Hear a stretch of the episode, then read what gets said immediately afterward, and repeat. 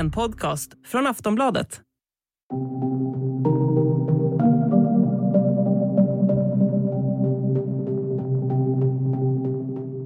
Det har gått en vecka sedan Ryssland invaderade Ukraina.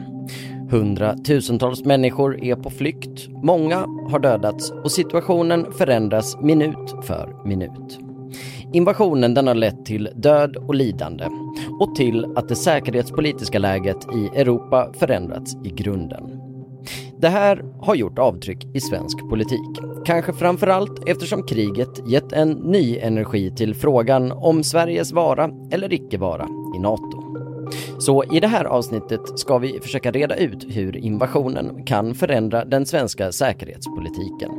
Hur påverkar kriget i Ukraina svenskarnas inställning till NATO?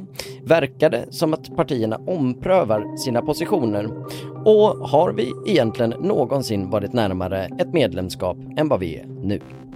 Det och mer i dagens avsnitt av Aftonbladet Daily med mig, Marcus Ulfsand.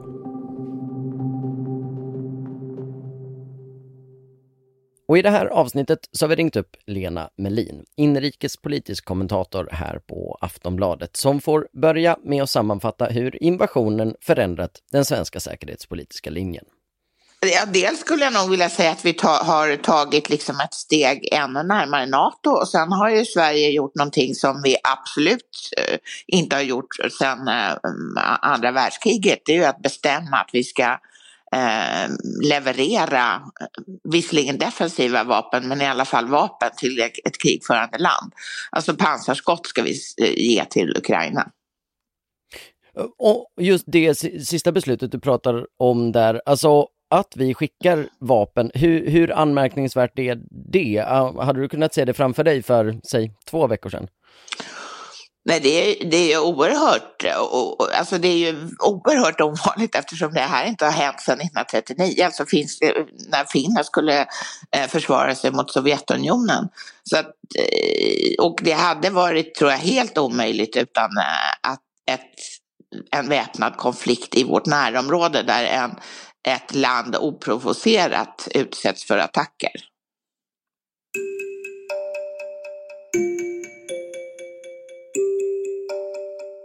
Det är inte bara i Sverige som historiska beslut tagits de senaste dagarna. Nej, söder om oss ligger Tyskland. Ett land som i decennier drivit en säkerhetspolitik som experter beskrivit som defensiv och ibland till och med som passiv. Men så i söndags så höll nytillträdde förbundskanslern Olaf Scholz ett tal som kort och gott beskrivits som historiskt. Der Krieg ist eine Katastrophe für die Ukraine. Aber der Krieg wird sich auch als Katastrophe för Russland erweisen. Efter talet beskrev tidningen Der Spiegel hur Scholz kastade årtionden av utrikespolitik över bord. Nu var det dags att rusta upp försvaret och samtidigt stod det klart att man skulle skicka vapen till Ukraina. Även i vårt grannland österut har det rört på sig. Och även där har regeringen tagit vad som beskrivits som historiska beslut.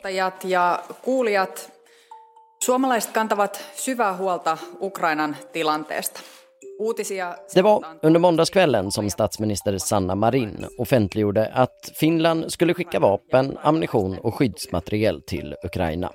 Senare under kvällen stod det även klart att den finska riksdagen skulle samlas dagen efter för att diskutera NATO-frågan som nu tagit sig upp på agendan igen. Och den frågan har som bekant även blivit allt hetare i Sverige under de senaste dygnen. Än så länge har inga partier officiellt förflyttat sig, men allt fler debattörer undrar om inte den ryska invasionen kan leda till att partier omprövar sina positioner. Enligt Lena Melin är det dock inte särskilt sannolikt att någonting händer inom den närmsta tiden. Jag tror att det initialt kommer att vara så att många hävdar, eller, eh, att, eller hävdar sin gamla åsikt att vi borde gå med i NATO. Det gör ju fyra partier i riksdagen, den gamla alliansen, alltså de fyra borgerliga partierna. Och, och de har ju tyckt det ganska länge vid det här laget. Medan eh, den andra, de andra fem partierna är ju tveksamma till det och tycker att den svenska alliansfriheten har tjänat Sverige väl.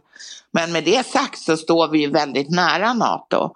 Och det var ju inte alls um, många veckor sedan när NATOs generalsekreterare Jens Stoltenberg tog emot eh, Ann Linde, alltså utrikesministern och hennes finska kollega och efter det samtalet pekade ut Sverige och Finland som, som NATOs viktigaste partners. Eh, eh, vad är det liksom eh, som gör att partierna historiskt tycker som de gör? Hur, hur motiverar man sina ställningstaganden i den här frågan? Ja, de flesta motiverar ju med att, att eh, Sverige, eh, neutraliteten som man kallade det förut, eh, när vi aldrig tog ställning i någon konflikt heller, utan men den militära alliansfriheten har tjänat Sverige väl. Det har hållit oss utanför väpnade konflikter och vi har heller inte, vi har liksom inte blivit anfallna. Men med tiden har ju det här lite förändrats, framförallt genom medlemskapet i EU, därför att Eh, vi är ju visserligen militärt alliansfria till, eh, på pappret, vi är inte med i någon militär allians. Å andra sidan så eh, ha, säger vi nu rakt ut att vi kommer ta ställning till eh, konflikter som inträffar i vårt närområde och då har det särskilt pekats ut Norden och, och EU. Nu visar det sig att det, tillhör, det ingår ju även länder som är står utanför Norden och EU, nämligen Ukraina också än så länge så har vi ju liksom inte sett något parti som officiellt tycks eh, ompröva sin position. Tror du att det kommer att kunna ske i, inom någon slags närtid? Det, det, skulle ju möjligtvis kunna vara Sverigedemokraterna som hittills har varit helt emot svenskt NATO-medlemskap men tycker att Sverige ska ha en så kallad NATO-option. Alltså vi ska uttala med jämna mellanrum, precis som Finland gör, att vi minsann kan gå med i NATO när vi vill.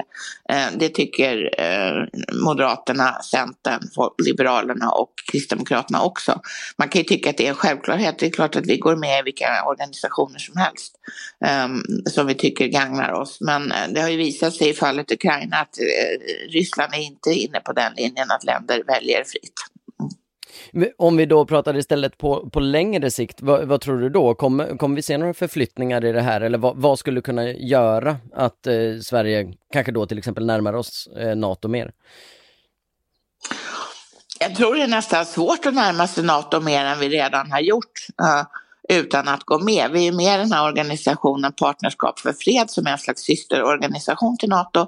Vi har anpassat eh, alla möjliga eh, vapen till NATO-standarder. Vi, vi samövar med NATO. Eh, vi räknar med att NATO ställer upp om det vi skulle utsättas för någon typ av angrepp. Fast de säger att de inte skulle göra det. Alltså jag tror att det bärande, eh, det som skulle få Sverige att gå med i NATO, det är om Finland ändrar sig och tycker att de ska gå med i NATO. Då kommer vi också gå med. Jag tror att vi, våra länder kommer att följas åt i den här frågan. Hur kommer det sig då att det är så viktigt? Därför att äh, Finland äh, är nu vår buffert mellan Ryssland och oss. Och äh, om de går med så så mm, kan man tänka sig att det säkerhetspolitiska läget för Sverige försämras.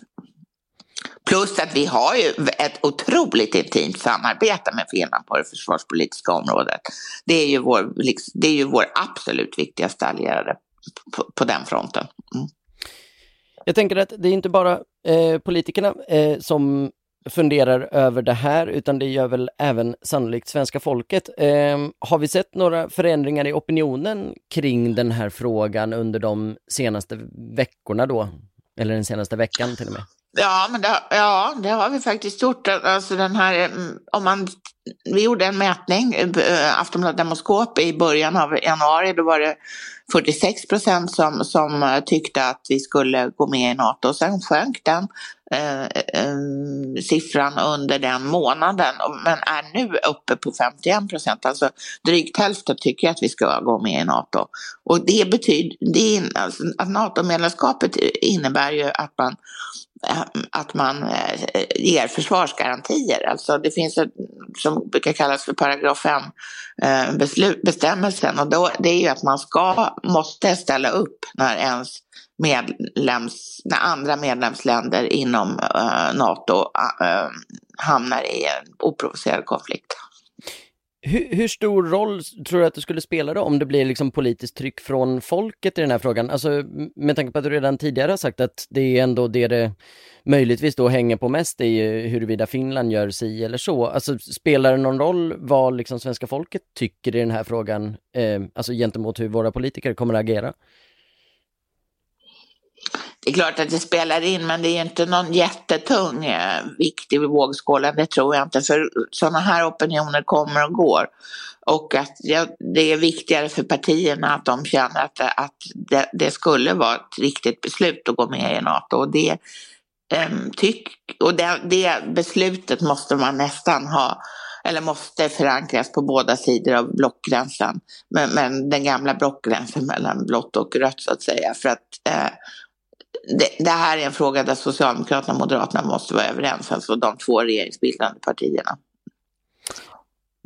Du har ju bevakat eh, svensk politik sedan mitten av 80-talet. Alltså vad skulle du säga, har liksom Sverige någonsin varit närmare ett NATO-medlemskap någon gång tidigare än vad vi är nu?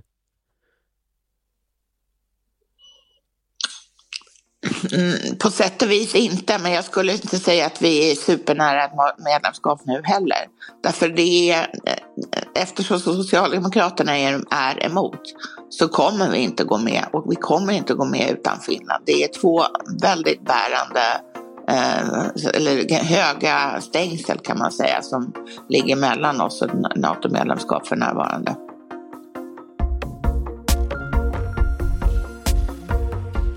Sist här hörde vi Lena Melin, inrikespolitisk kommentator här på Aftonbladet. Jag som pratar nu, jag heter Marcus Ulfsen och det här har varit ett avsnitt av Aftonbladet Daily, vår dagliga nyhetspodd. Följ oss i din poddspelare eller i Aftonbladets app så hörs vi redan imorgon igen.